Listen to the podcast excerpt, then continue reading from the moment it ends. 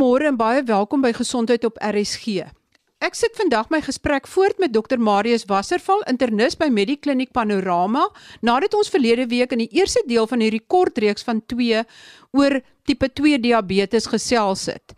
Ons gesels oor die jongste bevindinge, die groot rede waarom tipe 2 diabetes behandel moet word, is oor die groot komplikasies wat daar kan volg wat hartaanvalle, beroertes en nierversaking insluit en dan oor die jongste medikasie wat kan help om hierdie groot komplikasies te verminder en dit is medikasie wat op jou niere werk.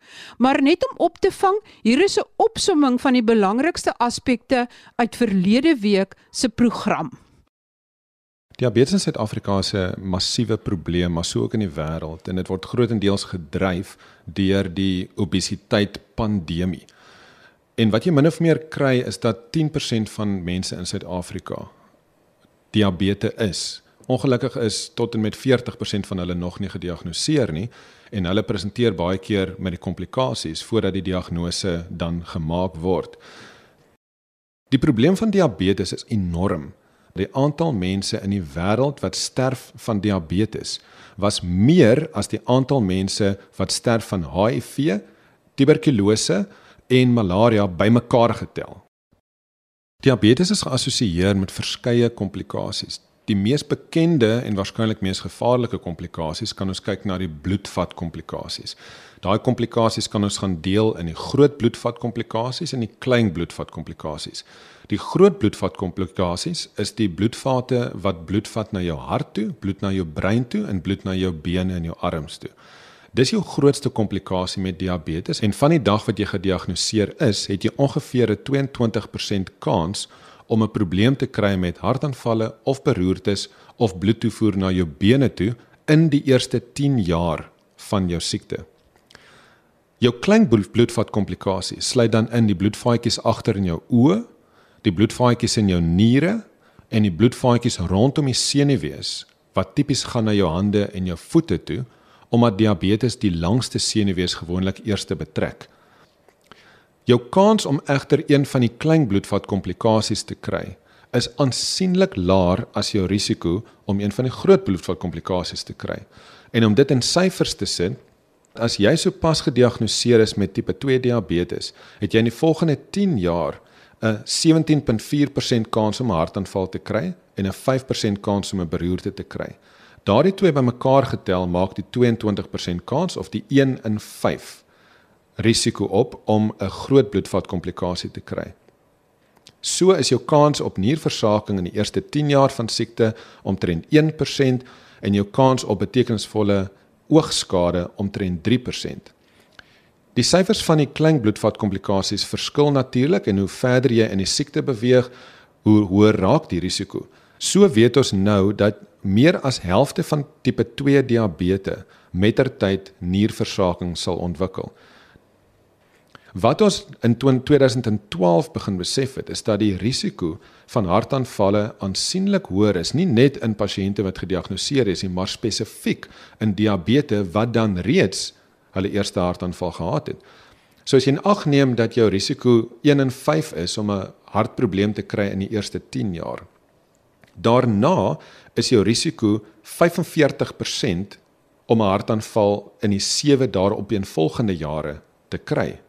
Dit is enorm hoog. Gaan vergelyk daai 45% met die 18% kans in iemand wat nie diabetes het nie en ons begin 'n prentjie kry van hoe diabetes regtig hartaanvalle en beroertes dryf reg oor die wêreld. Gevolglik is dit belangrik as jy kyk na diabetes dat jou rede om dit te wil behandel regtig nie net te doen het daarmee dat jou suikervlak wil laat sak tot normale waardes nie. Jy wil jou suikersiekte behandel op so 'n manier dat jy nie die komplikasies kry nie. Dit is waar dit gaan. Vir die afgelope 30 jaar was ons medikasie baie goed om die suiker af te bring. Ten spyte van die medikasie wat ons beskikbaar het, het 'n onlangse studie gewys dat meer as 70% van diabetes reg oor die wêreld nie gekontroleer is nie. Selfs met die medikasie en selfs vir die wat beter suikerbeheer gehad het, kon ons nie die belangrikste komplikasies betekenisvol aanspreek nie. Met ander woorde, die hartsiektes, die hartversakings, die hartaanvalle en die beroertes. Die belangrike ontwikkeling is die toevoeging van hierdie nuwe medikasie wat werk op die niere se vermoë om suiker uit te skei. Daar word na hulle verwys as die SGLT2 inhibitore en dit verwys na die natriumglikose transport inhibitore in die nier. Huidiglik is daar 4 van hierdie molekules reeds beskikbaar in die wêreld. In Suid-Afrika is daar 2 beskikbaar. Die een se naam is dapagliflozin of ons ken dit as Forxiga en die ander een se naam is empagliflozin en ons ken dit as Jardiance.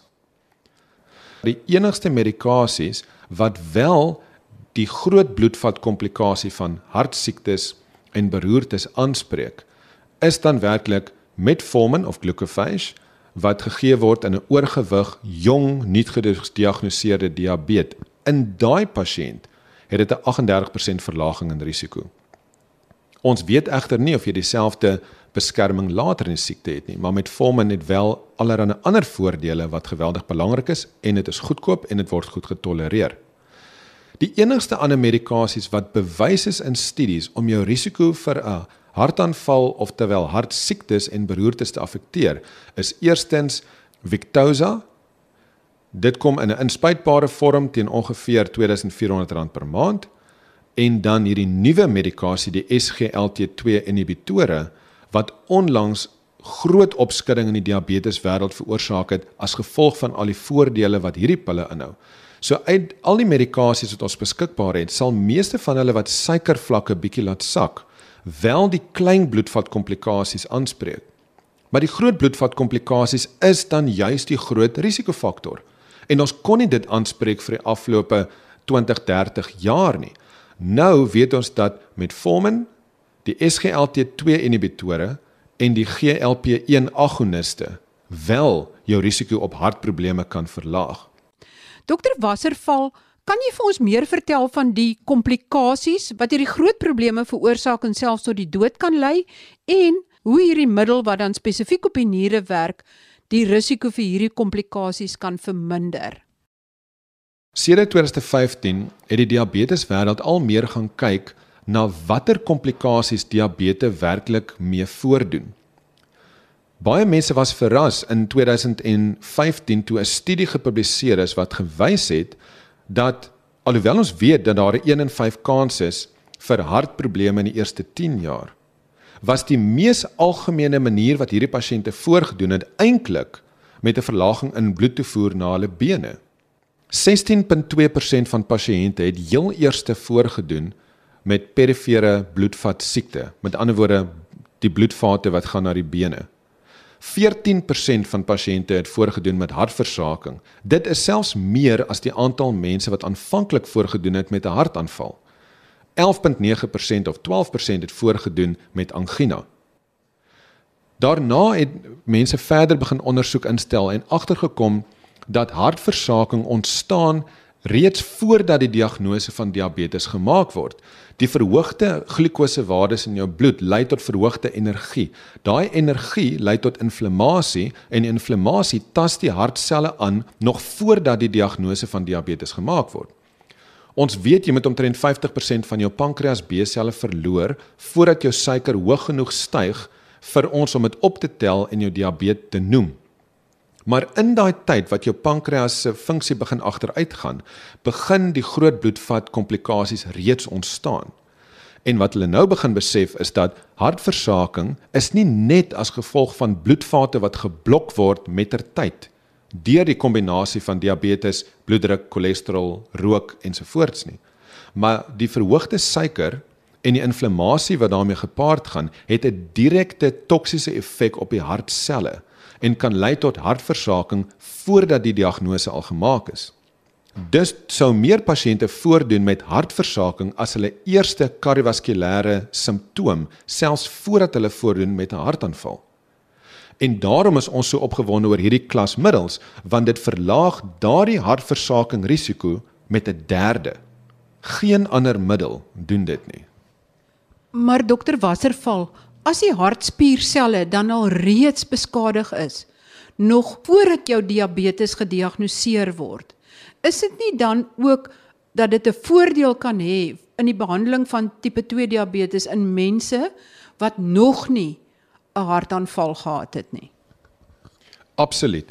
As jy kyk na een van die groot studies wat onlangs voorgedra het, dan het hulle spesifiek gaan kyk na pasiënte met veelvuldige risikofaktore wat nog nie 'n hartaanval of 'n beroerte gehad het nie. Hierdie studie het gewys dat hierdie klasmiddel jou risiko op hartversaking in daai pasiënte verlaag met 31% en jou risiko vir nierversaking in daardie pasiënte verlaag met 45%. Dit is in pasiënte wat nog nie die komplikasies gehad het nie. Die interessante deel is dat die beste nierbeskerming eintlik voorgedoen het in die pasiënte met die beste nierfunksie. Dus hoe vroeër jy hierdie medikasie begin, hoe meer beskerming kan jy verwag op jou niere. Omdat hierdie medikasie werk op jou nier deur te maak dat jou nier nie die vashou aan suiker nie, maar die suiker kan verloor, het jy 'n werkende nier nodig vir hierdie klas medikasie om te werk. So op hierdie stadium as jy vergevorderde nierversaking het, sal ons hierdie medikasie nie meer gebruik nie. Daar's wel voordele en daar's wel verdere studies want een van die studies op hierdie medikasie het gewys dat pasiënte baie langer vat om by dialyse uit te kom as hulle hierdie medikasie gebruik in vergelyking met mense wat dit nie gebruik nie. Op hierdie stadium is dit egter nog net spekulasie en hulle is besig om verdere studies te doen, maar juis as gevolg hiervan gaan hierdie medikasies waarskynlik 'n omwenteling veroorsaak nie net in die hantering van onlangs gediagnoseerde diabetes nie, maar ook in die hantering van pasiënte met langstaande diabetes. Ons weet byvoorbeeld dat as jy vir meer as 8 jaar diabetes was of as jy reeds hartmoeilikheid gehad het, daar amper geen rede is vir jou om jou 3 maande suikerkontrole toets of jou HbA1c laer as 8% te laat sak. Met ander woorde, suikerkontrole speel 'n minder belangrike rol wanneer jou suiker redelik gekontroleer is as wat cholesterolbehandeling, bloeddrukbehandeling ensovoorts speel. As jy iemand egter het wat baie vroeg gediagnoseer is, wil jy daai persoon absoluut perfek kontroleer met 'n HbA1c van 6.5 of 'n gemiddelde suiker van ongeveer 8. Maar hoe verder jy gevorderd is in die siekte van diabetes en hoe langer jy reeds 'n diabetes was, hoe minder belangrik is absolute suikerkontrole en hoe meer belangrik word multifaktoriële behandeling. Met ander woorde, dis ontsettend belangrik dat daai pasiënte almal met 'n statien behandel word weens die 24% risikoverlaging. Dis ontsettend belangrik dat hulle hulle bloeddrukke baie noukeurig moet kontroleer. Daarna moet hulle hulle suiker kontroleer tot by aanvaarbare vlakke en daar verwys ons na 'n HbA1c van 8%. Kom ons sê jou meeste van jou suikerwaardes moet onder 10 wees. En dan as jy reeds hartprobleme gehad het, moet jy 'n halwe disprin elke dag drink, maar nie as jy nog nie hartprobleme gehad het nie. Ek verstaan dat die bloeddrukbeheer en die cholesterolbeheer moet eintlik nog strenger wees as in gesonde pasiënte. Kan jy net vinnig daai twee se waardes noem? Ja, ek dink die studie waarna ons verwys nou was in 2008 gedoen en wat hulle gevind het is dat as jy nie enige ander risikofaktore het nie, dan kan jy waarskynlik 'n bloeddruk van 140 tot 150 aanvaar. Maar vir diabetes wil jy werklik 'n sistoliese bloeddruklesing van tussen 130 en 140 hê. Inteendeel, daar is ander studies wat wys dat laer is dit selfs beter is, maar dit raak 'n bietjie van 'n grys gebied omdat as jou bloeddruk te laag is, kry jou niere weer nie genoeg bloed of bloeddruk nie en jou niere is afhanklik van goeie bloedvolume en goeie bloeddruk. So op hierdie stadium is die riglyne vir diabetes dat hulle sistoliese bloeddrukke tussen 130 en 140 moet wees. Dit is egter 'n goeie riglyn vir almal van ons. Onthou 'n normale bloeddruk is 120 oor 80. Ons aanvaar tot by 140 oor 90. Jonger mense het meer dikwels 'n probleem met die diastoliese lesings en hoe ouer jy word, hoe meer kan jy fokus op die sistoliese lesings want dikwels sal die diastoliese lesings nie meer 'n probleem wees nie. Albei lesings is egter baie belangrik en jy wil beide lesings binne hulle riglyne hê. So 'n diabetiese bloeddruk moet onder 140 wees, maar so ook die res van ons.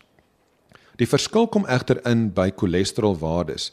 Jou slegte cholesterol of LDL se afsnywaarde is 3. Vir diabetes bo 40 is hierdie afsnywaarde egter 1.8.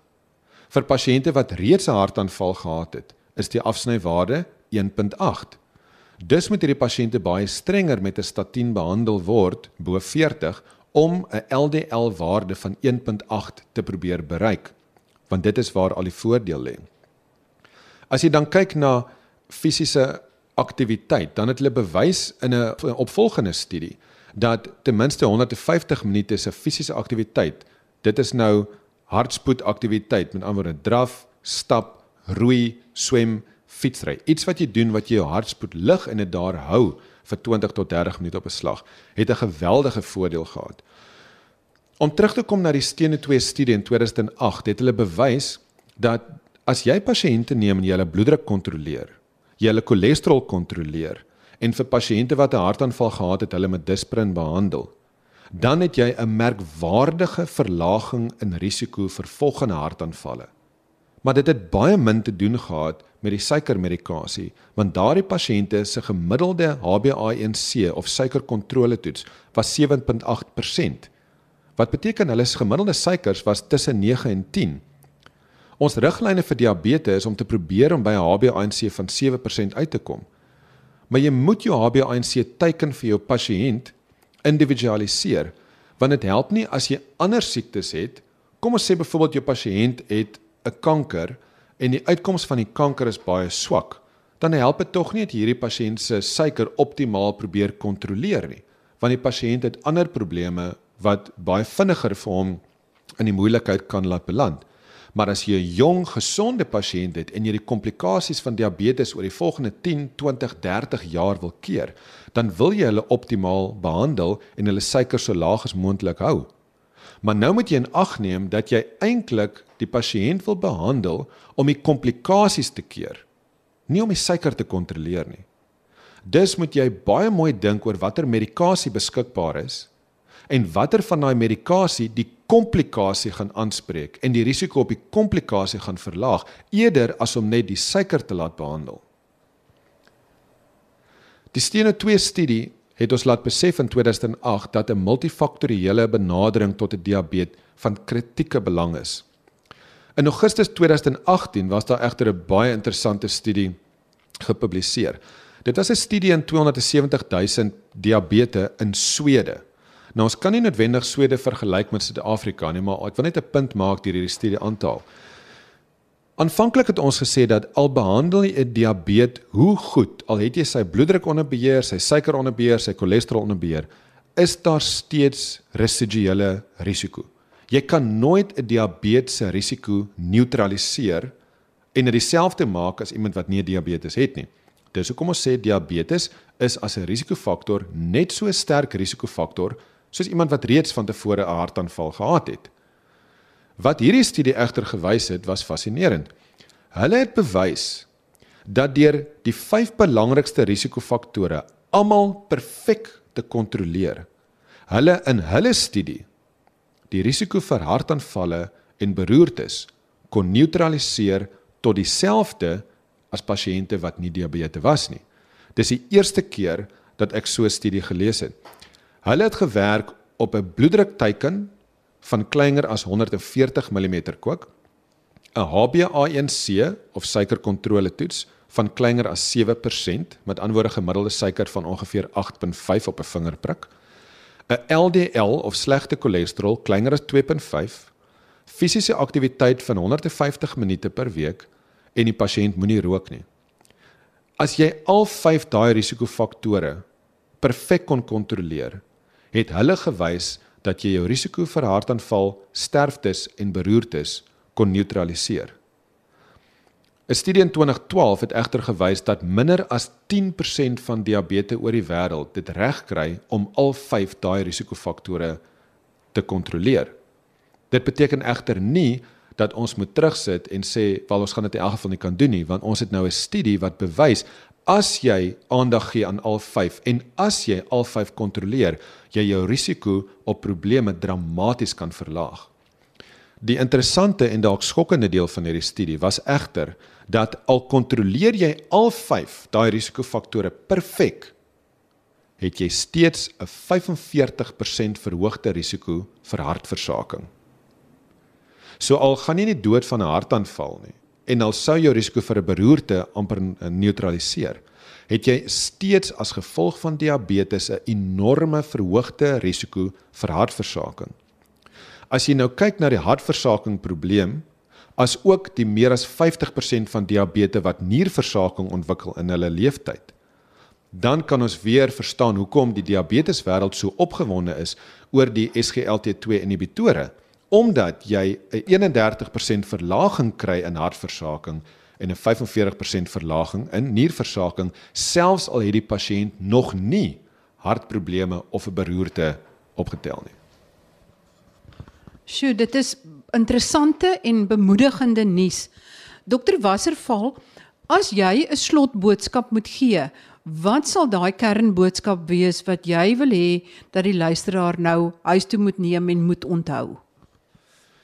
Ek dink dit is belangrik vir ons om te besef diabetes is 'n enorme probleem en diabetes word gedryf deur die pandemie van obesiteit. Obesiteit reeds van kinderjare lei tot insulienweerstandigheid en weens verskeie faktore lei dit dan tot die toestand wat ons ken as diabetes. Ongeveer 10% van Suid-Afrikaners is diabetes. Tot en met 48% van hulle is nog nie gediagnoseer nie en gevolglik is dit so belangrik dat pasiënte hulle suikers moet laat toets om te kyk of hulle in 'n prediabetes of dan 'n diabetes kategorie val. Die risiko van diabetes is werklik die komplikasies.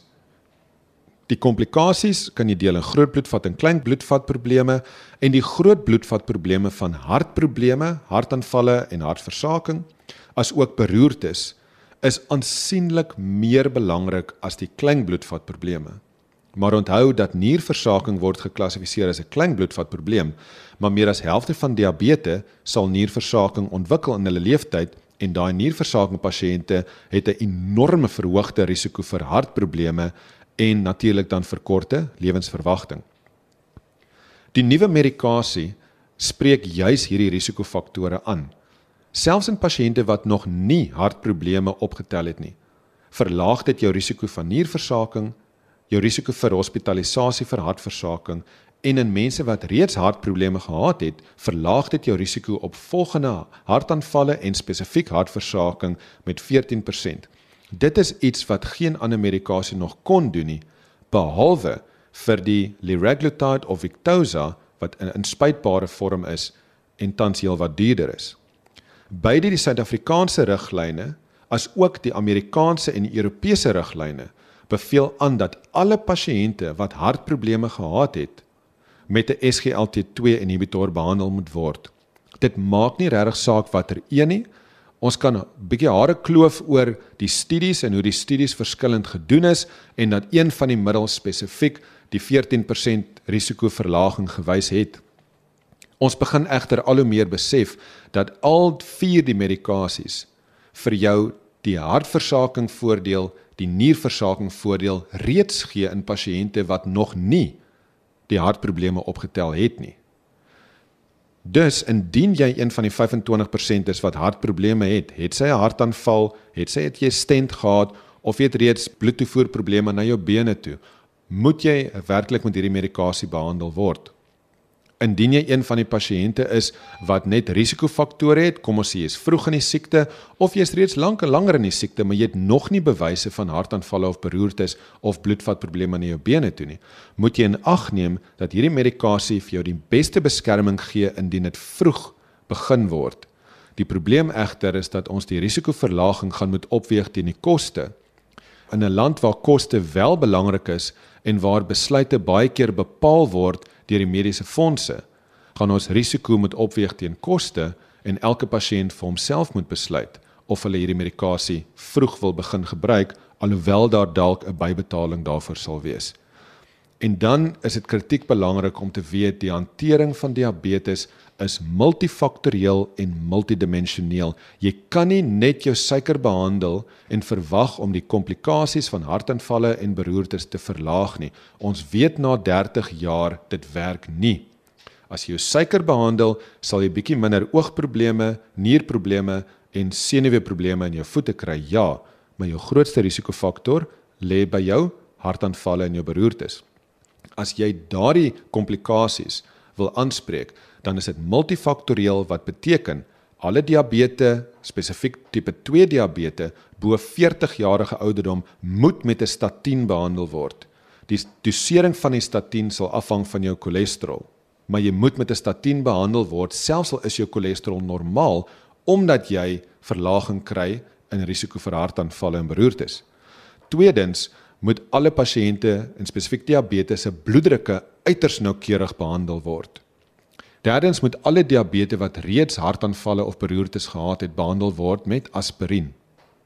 Net as jy al hierdie verskillende risikofaktore behandel, sal jy jou kardiovaskulêre risiko betekenisvol kan verlaag. En natuurlik die belangrikste een van almal is moenie rook nie, want jy sal jou eie risiko op hartaanval verlaag met soveel as 50%. Baie dankie aan Dr Marius Wasserval, internis by Medikliniek Panorama oor hierdie insiggewende inligting wat hy met ons gedeel het oor die jongste in die behandeling van tipe 2 diabetes. Maak maar doodseker dat jou tipe 2 diabetes so goed as moontlik behandel word. Moenie vergeet van die ander aspekte wat ook behandel moet word nie en kyk of jy nie die jongste medikasie kan kry wat dan vir jou kan help sodat jy jou risiko vir hartaanvalle en allerlei ander groot probleme wat tot die dood kan lei kan verminder nie. Volgende week gesels ons oor wat is die nuutste inligting betreffende bakterieë, goed of sleg in jou ingewande. Tot volgende week dan. Totsiens.